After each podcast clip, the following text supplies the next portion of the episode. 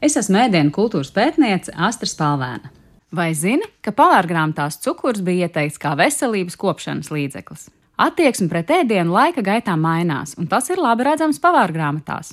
Vienā laikā pavārgrāmatas stāsta, kā demonstrēt pārticību, rīkojot greznus banketus, kuros cepeši rotāt ar spalvām vai kūkas ar zeltu.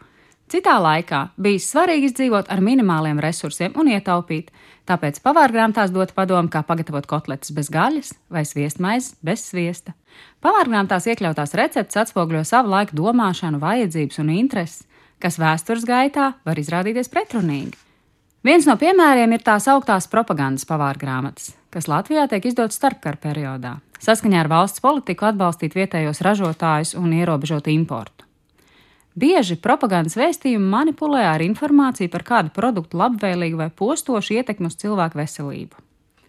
Piemēram, 20. gadu reklāma, kas mudina vairāk lietot pienu, izmanto bērnu tēlu un šādu tekstu.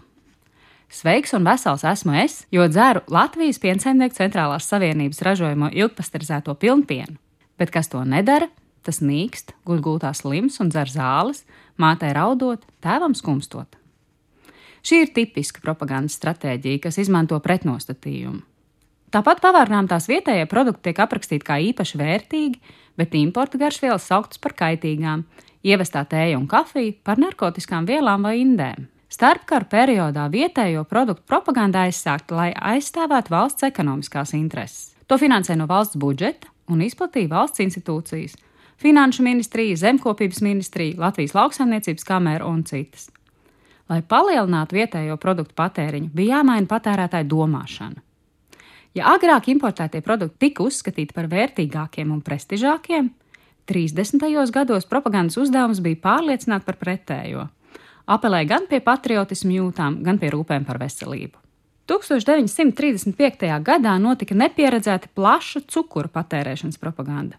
Tika noturētas turpat 700 sanāksmes ar priekšlasījumiem dažādās Latvijas vietās. Skrejlaps un apkārtrakstus pagasta valde izplatīja tieši iedzīvotāju mājās. Rīgā visos kinoteātros demonstrēja cukuru propagandas kroniku, izvietoja sludinājumus laikrakstos un žurnālos. Cukuru propagandas nedēļas atklāšanā finanšu ministrs Ludvigs Ēķis esot novēlējis, bet katrā glāzē trīs karotītes cukuru, lai no katras fabrikas iznāktu vismaz pa vienai karotītei. Šo teicienu atceras vēl šodien. Tolaik Latvijā darbojās trīs cukurfabrikas - Jelgavā, Liepājā un Jēkabpilī. Cukuru rūpniecība bija valsts monopols. Propagandas galvenais nolūks bija palielināt vietējā cukuru patēriņu, ko eksportēt nevarēja, jo tas bija apmēram sešas reizes dārgāks nekā Eiropas tirgos.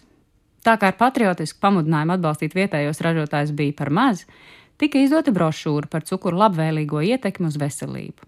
Izdevumā ar nosaukumu Cukurs - tautas masu patēriņu un veselības kopšanas līdzeklis Kautsmīnas maiturības semināra direktore Olga Stakla Kulitāne raksta.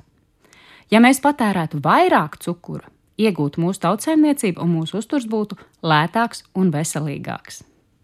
Izdevuma ievads pamato cukuru lietošanas nepieciešamību. Recepšu sadaļā pamatā izmantot vietējie produkti, piens, augļu un labības produkti. Ēdieni ir vienkārši un ikdienišķi, galvenokārt ķīseļi, sacepumi, saldās zupas un biesputrs, bet maz pieminēts kūks un cepumi. Cukura propagandas ietekmē 30. gados tiek izdotas vairākas pavāra grāmatas, kas veltītas tikai saldo ēdienu receptēm.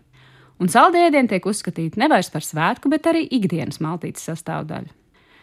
Lai arī cukuru propagandas kampaņa palika bez sekām un cukuru patēriņa apjoms faktiski nemainījās, tomēr kopumā propagandas pavāra grāmatas ietekmēja ēdienu daudzveidību. Domājams, ka tieši pateicoties cukuru popularizēšanai, par neatņemamu Latvijas virtuves sastāvdaļu kļuva saldēdieni, Ko zinām vēl šodien? Ķīseļi, krēmi, žēlējas, uzputeņi un, protams, debesis mana un buberts.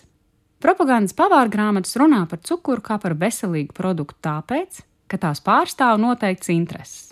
Salīdzinot pavārgrāmatas vēsturiskā griezumā, var pamanīt, ka noteiktā laikā atsevišķi ēdieni tiek daudzināti un izcelti, kamēr citi nopulgoti un kritizēti. Tomēr tas nevienmēr ir saistīts ar ēdienu vai produktu objektīvajām īpašībām, bet drīzāk ar autoru nolūku.